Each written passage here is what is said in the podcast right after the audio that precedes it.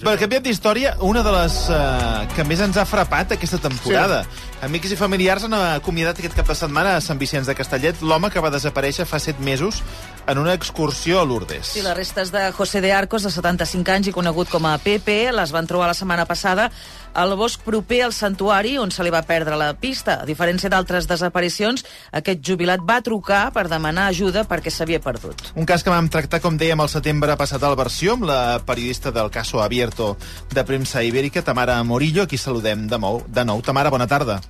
Buena tarde, buenas tardes, Buenas compañeros. tardes. Eh, gracias por atendernos de nuevo.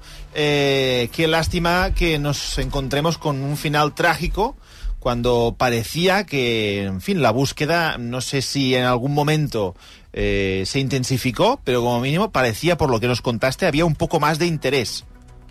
Exacto. Eh, empezó, como, como contábamos, eh, bastante relajada o, o, inexistente, pero, pero sí que se, se, amplió ese foco de atención. ¿no? Conseguimos, gracias a, a la presión de, de los medios, eh, que influimos un poco en los medios de, de, allí de Francia, los medios españoles, y por supuesto la intervención de, de Mossus, que, que, sirvió de enlace con la gendarmería, eh, sirvió para que pusieran un poco el foco ¿no? en esta búsqueda, que en un principio pasó desapercibida. Lamentablemente, el resultado ha sido el que es, ¿no? Uh, si te parece, nosotros lo tenemos muy vivo porque es un caso que nos, uh, en fin, nos conmovió. Mm. Vamos a recordar un poco qué es lo que pasó, Tamara. Uh, era una excursión mm, de unos peñistas donde también asistía José de Arcos a, a Lourdes y José sí. en un momento se separa de ese grupo, ¿no?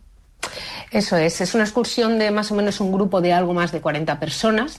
Eh, no es que fueran a Francia, pero uno de los puntos de esta excursión sí que era eh, esa parada ¿no? en el santuario. Eh, visitan el santuario, se hacen incluso fotos, vídeos. Pepe, como le llaman en casa, está bien, José. Sobre las once y media, antes de, cuando una vez que ya la han visto, dice a, a, su compañero, al que tiene más a mano, voy a ir a, a la farmacia, eh, a ir tirando, que, que, luego voy yo al restaurante. El chico se ofrece a acompañarlo, o sea, eh, ¿quieres que te acompañe, Pepe? Mm. Él dice que no, declina, no te preocupes, luego voy yo. Pepe estaba bien, nadie nota que en ese momento tiene algún problema. No dice para qué necesita ir a esa farmacia tampoco, nadie lo sabe. Pepe camina y en torno a las 2 de la tarde es cuando empiezan esas llamadas ¿no? en las que indica me he perdido, me he perdido, no sé volver. Él es el mismo que llama, llama a sus compañeros, los compañeros que, que le esperaban, ¿no? Que le estaban ya buscando incluso.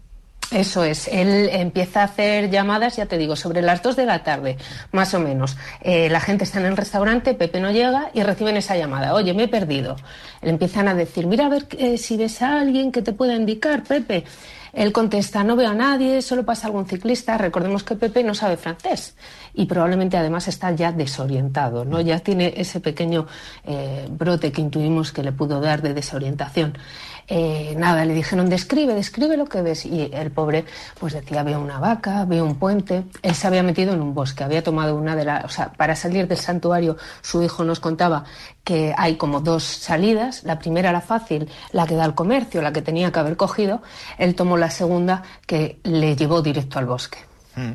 Después de la llamada de, de socorro, uh, entran en contacto con las autoridades contamos que al principio con poca suerte, ¿no? Entiendo que desde Francia ahí, pues, no sé, dedujeron que se había despistado y que ya volvería solo.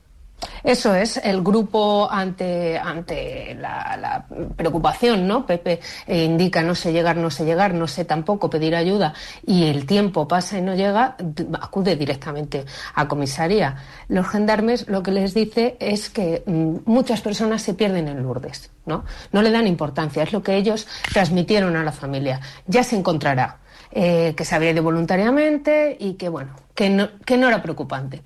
En el grupo le vuelven a insistir, dijeron eh, a, los policías, les explican pues que estaba desorientado, que se le estaba acabando la batería y es una de las cosas que más llamaron la atención, ¿no? La respuesta de la policía francesa eh, cuando les dijeron esto no es América, no vamos a localizar ese teléfono.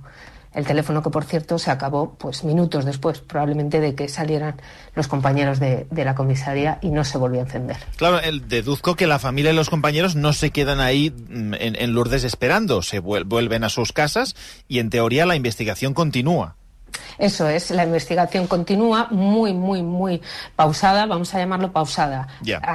se dice incluso inexistente, ¿no? Inexistente por, parte de las autoridades. La familia sí que enseguida, en cuanto reciben esa voz de alarma, el móvil apagado, empiezan a hacer batidas ellos como buenamente pueden. Viajan al santuario, mm, eh, grupos de voluntarios, tanto medio profesionales como del, mismo eh, San Vicente, eh, baten varias veces. La única batida oficial que se hace al inicio por parte de, la policía francesa es eh, a raíz precisamente de una batida que hace familiarmente y amigos y demás que encuentran, perdón, una una prenda de ropa interior mm. y es cuando, como respuesta, empiezan a decir, bueno, vamos a ver, aún así esa prenda de ropa interior no se analiza y hoy sabemos que sí que era de él.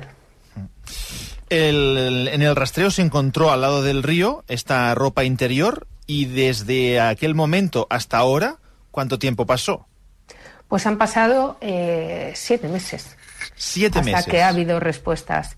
Eh, hace cosa, poquito antes de Navidad sí que se halló el teléfono, una persona eh, entregó ese teléfono. La policía francesa, vamos a ser claros, ha respondido a estímulos, ¿no? Si le han llevado algo, sí se lo ha tomado en serio, pero no ha hecho esas batidas a las que estamos acostumbrados, no esos grandes grupos buscando.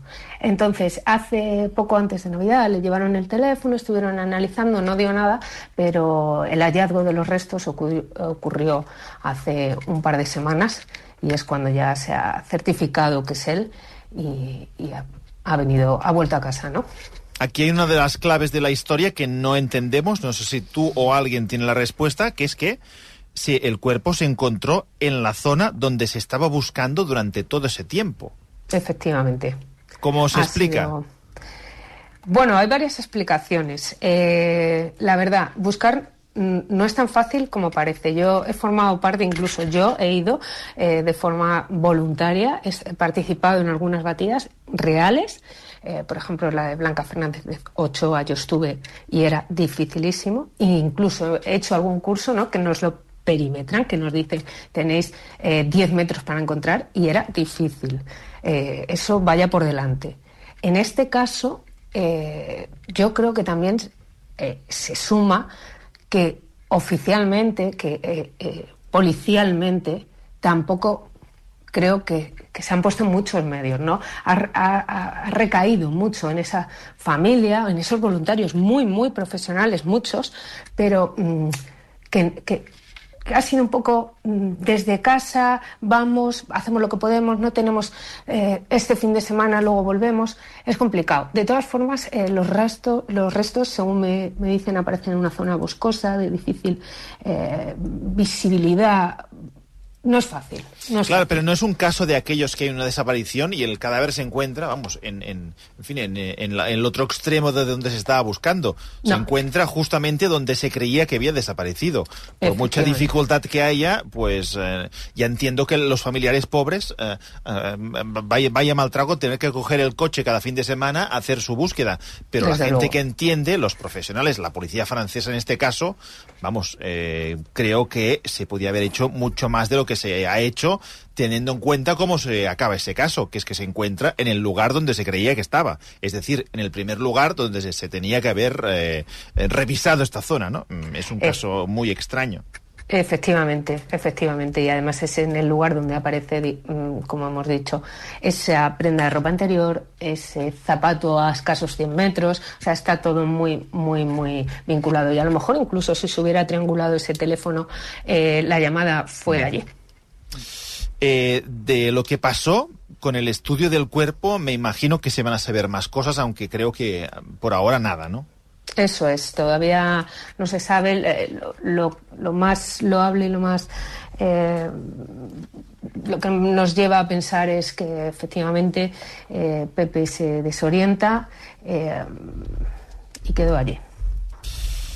Tamara, muchísimas gracias y felicidades por esta investigación que, por desgracia, no ha tenido final feliz. Un abrazo. Muchas gracias a vosotros. Un abrazo fuerte. Ahora, tornem.